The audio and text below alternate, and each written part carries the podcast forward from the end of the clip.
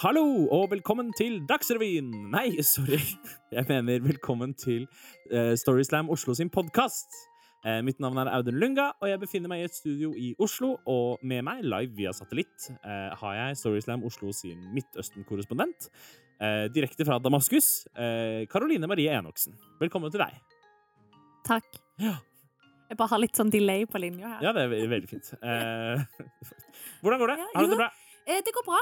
Mm. Eller det tror jeg. Ja, det vet vi jo ikke. Nei. Fordi uh, dette er noe litt finurlig. Uh, akkurat nå så sitter vi og spiller inn en podkastepisode som vi ikke vet helt når vi kommer til å slippe. Nei. Uh, så det vil bare skje en eller annen gang i en, en eller annen ukjent fjern fremtid, potensielt. Ja. så vi vet jo ikke hvordan livene våre vil se ut Nei. da. Nei. Så vi kan forskuttere på framtida nå. Ikke sant? Så sitte og spekulere og finne på bare faen. Ja. Så hva tror du livet ditt vil bringe, Karoline? I en eller annen uoverskuelig framtid. Ikke sant? Oi, wow. Mm -hmm. Nei, herlig. Altså, det Nei, kanskje jeg har funnet kjærligheten, da? Ja. For eksempel. Fantasien setter grenser, og det er der grensene for din fantasi går.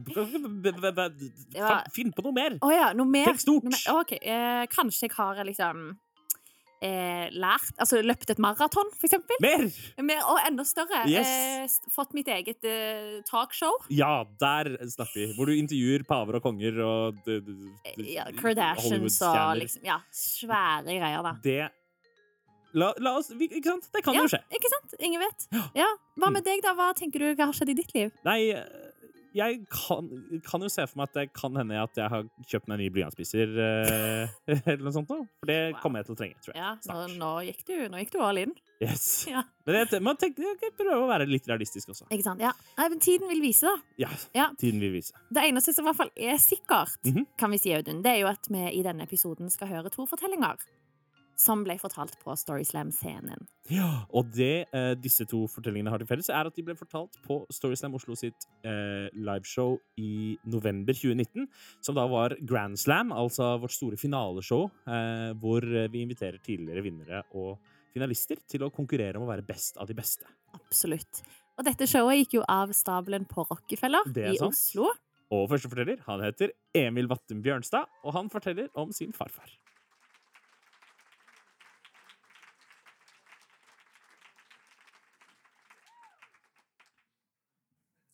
Fra andre og rett opp i fjerde.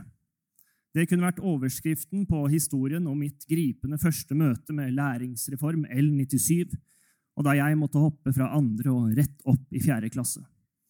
Men den historien her den begynner først to år etterpå. Jeg er elleve år gammel, og jeg sitter i forsetet på en sølvgrå Volkswagen Caravelle minibuss og ser på farfar gire konsekvent mellom andre og fjerde gir. Fra andre og rett opp i fjerde og ned igjen. Og forklaringen fra farfar? Nei, du skjønner det, Emil. Da sparer jeg første, tredje og femte gir. Så kan jeg heller bruke de da andre og fjerde er oppbrukt. For farfar var en økonomisk mann. Den sommerdagen her er jeg og farfar på vei fra hytta ved sjøen og inn til byen. Vi skal hente avisa og kanskje ta en kjapp tur innom Maxbo. Foran på dashbordet i den sølvgrå karavellen så ligger det en liten bunke brukte tannpirkere. De ligger til tørk. For en god tannpirker kan brukes alt mellom tre og fem ganger. Litt avhengig av merket.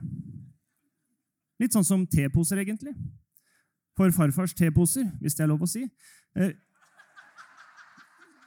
fikk seg alltid kun et lite bad i det varme tevannet på mellom 10 og 15 sekunder, før de ble fisket opp igjen lagt på et papir for gjenbruk. For en god tepose den kan brukes alt mellom tre og fem ganger, ifølge farfar, litt avhengig av merket. For farfar var en økonomisk mann. Etter å ha henta avisa i postkassa hjemme hos farfar blir vi gående mellom hyllene på Maxbo lenge. Vi studerer prisene opp og ned og opp igjen. Og på spørsmål om vi trenger noe hjelp, så gjør ikke vi det. Vi bare titter. Vi titter særlig lenge på spiker. Vi ser på spiker, vi tar på spiker. Men vi kjøper ikke spiker. For både farfar og jeg veit at i redskapsboden på hytta står syltetøyglass på syltetøyglass med brukte spiker, som han og jeg har trukket ut av gamle treplanker og retta ut for hånd. Han med den store oransje hammeren, og jeg med den litt mindre svarte. Etter å ha titta på spikeren en stund, så går vi opp til eh, kassa. Farfar har med en meterstokk og legger den selvsikkert på disken. Den unge jenta bak kassa sier 'Det blir 33 kroner, takk'. før farfar smeller tre tikroninger i disken og sier 'Her har du 30, mer er den ikke verdt'.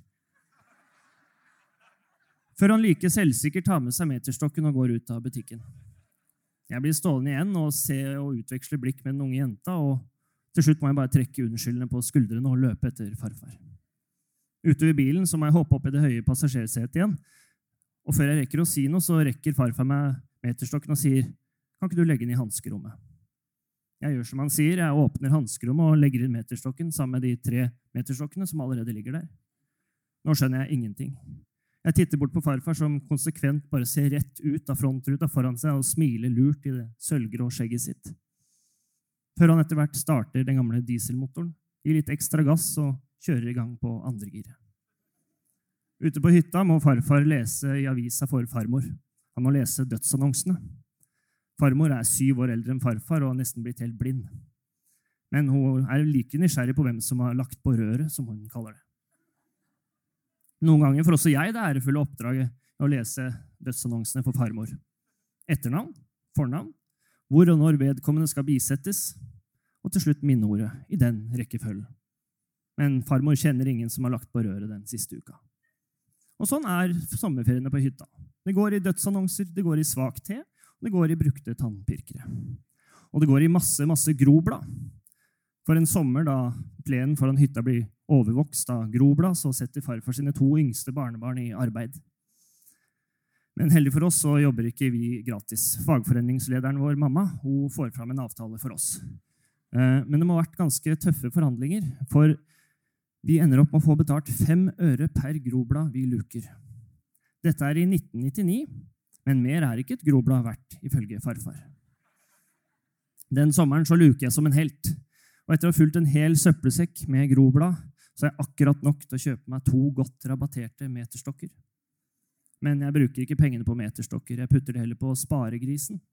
For jeg er også i ferd med å bli en ganske økonomisk mann. Det blir etter hvert lengre mellom sommerferiene på hytta.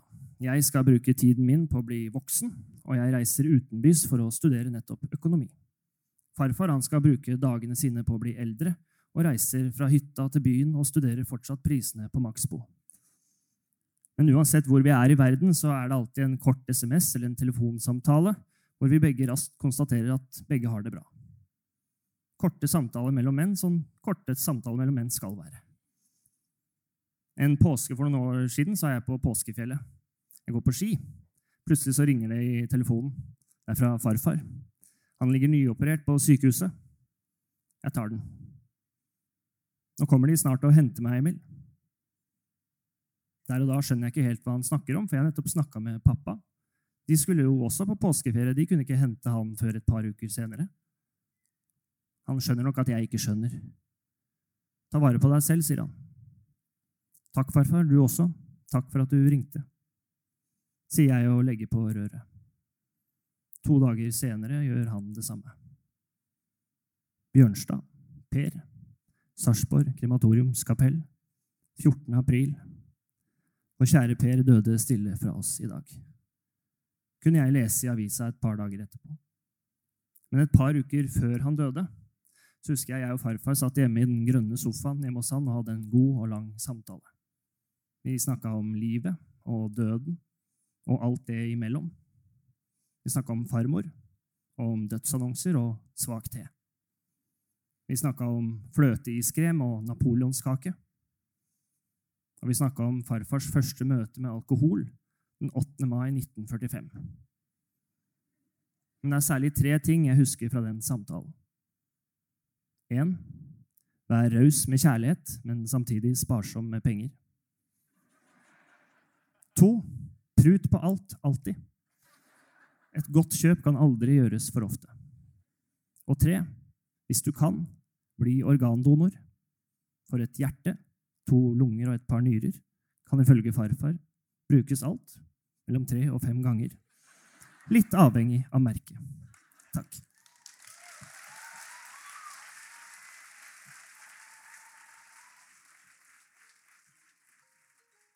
Tusen takk til Emil. Og så kan vi jo nevne at Emil han vant jo eh, Grand Slam den kvelden eh, Ja. med den fortellingen. Det ble, han ble selveste mesternes mester Ja. med den historien. Og det er ikke så rart, for den er veldig, veldig fin. Neste forteller han heter Max Gittenstein, og han er eh, amerikaner. Han forteller på engelsk. Ja. Han er fra eh, USA. From America. Ja. ja. State of Arizona. Yes. Og han har bodd i Norge i ganske mange år nå. Eh, men i starten så hadde han jo eh, ja, litt utfordringer med å skjønne seg på nordmenn og Norge. Her får du høre litt om det.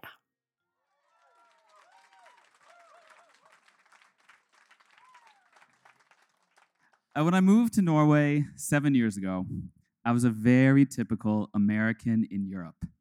And Americans love being in Europe. In the same way that Norwegians love telling me about that one time they went to New York. It's life changing. In the same way, my friends in Arizona ask me for vacation tips for Greece, Norwegians tell me about that one really cool place they found at 42nd Street and Broadway. It's Times Square. I actually had a colleague here in Oslo tell me that often when Americans return from Europe, they have to be hospitalized because our bodies have experienced so much culture. We just go into a state of shock. And while I'm happy to say I've overlived all my hospital stunts from being overculturalized, the point is that it's very easy to have a little bit of an off view of other places. And when I moved to Oslo, I had, I didn't really have any view actually, because I was just trying to escape Arizona. Because I come from Phoenix, Arizona, a city of 4 million people in the middle of the desert, uh, where our biggest trees are cactus and people have so much Botox in their face, they're equally as stiff. Phoenix is often referred to as LA without the ocean, which is basically the only thing people like about LA. And there was just something about Phoenix being the model for bad urban planning while studying urban planning in Phoenix that made me think, yeah, I could get out of here. And now in Oslo, people always ask me, how did I end up here? And the answer I give them is true. I found a really interesting program to study. I had seen pictures of that really cool opera house. Uh, but really, it, it was about escape. and for us, Americans, it's only Norway and Finland that will still give us free education. And Finland just seemed too weird. so I'm here. and after seven years, I feel like I'm really starting to get the hang of life in Norway. I have done my master's. Lært språket. I've studied your ways. I've learned about your people.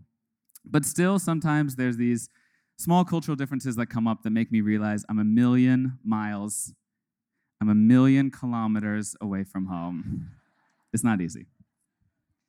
But a couple years ago, I was at an American themed party being hosted by a friend, which was giving me extra confidence because I was the theme of the party. And I was feeling like a very good ambassador. And suddenly I found myself drunk enough to be pushing someone else out of the way so I could be standing in front of the person that would become my Norwegian partner. But he didn't come from Oslo, which is the city I got to know so well. And after some time, I got to know the real Norway, which is small town Bygde-Norge in Valdres. And that first time I got to come along to Valdres in the car, a couple hours outside of Oslo, past all the places that claim to have the best softies langs E16. we came out of the tunnel and suddenly we're in Bong, population 500. And Bong's not exactly blink and you miss it small, but it is yawn and you miss it small, which is not a comment on how much there's to do there because I'm from Arizona. This is super exotic. But for me, it, it feels like going back in time. And on that first time we were there, we took the Spark down to Tanta's house, um, which is apparently a legit form of transportation.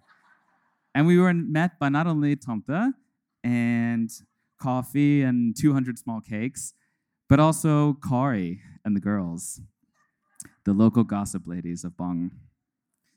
And what I learned afterwards, it was no mistake that they were there. Kari's little birds had heard that I was coming, and they wanted to see me. And in a lot of ways, I think that this sort of small town life is really nice.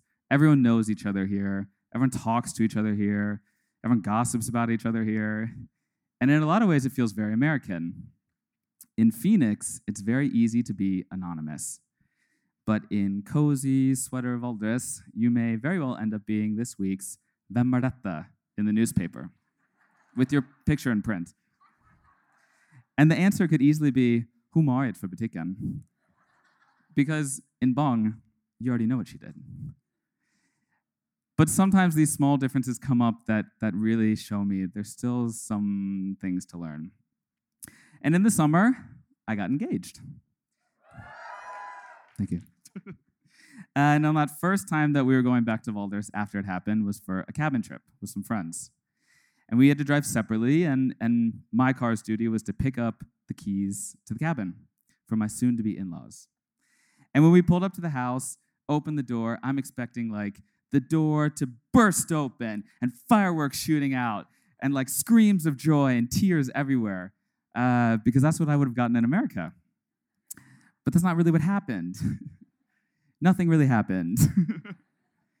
and we sat there, and there was coffee and cake and that friendly and sort of awkward conversation you have with your partner's parents, but there wasn't that, mm, I didn't get enough out of it.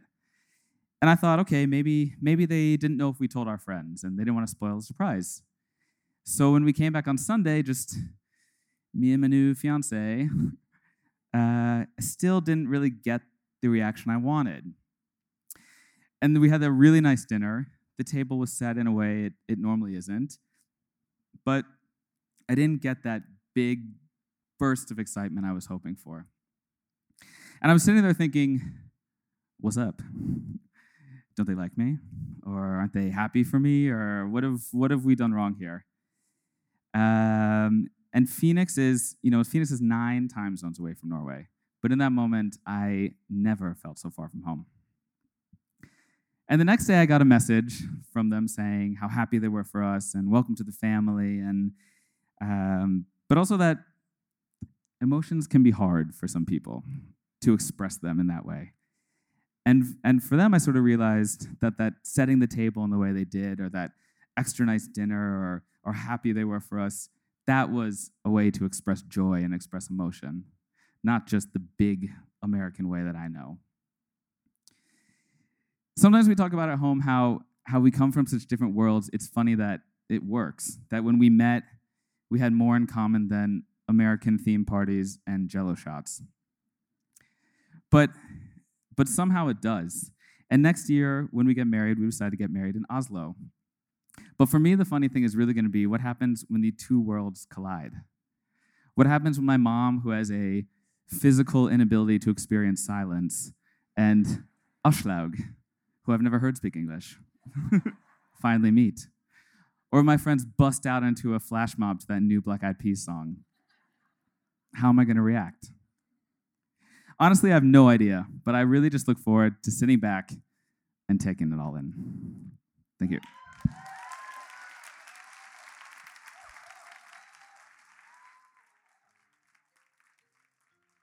Tusen takk til Max. Ja. Storyslam Oslo, vi er tilbake med liveshowene våre snart. Eller Eller? ja, Det vet du ikke, da. Jeg glemmer jo det at dette, denne podkasten spiller vi nå inn en stund før vi gir den ut, I fremtiden. hvor Nei, i, for, i fortiden. Vi er, er nå i fortiden. Ja. Oi, Det føles ikke sånn for oss, Nei. men uh, når vi hører på dette, så høres det sånn ut. Herregud, eller ja. føles det sånn. Ikke sant? Uh, så vi vet ikke helt om, når du hører dette nå, om Nei. vi er i gang med liveshow enda, eller om vi har kommet i gang med liveshow, eller om vi til og med har sluttet å gjøre liveshow fordi samfunnet har kollapset. Det, altså, hvem vet? Nei, vet. Nei.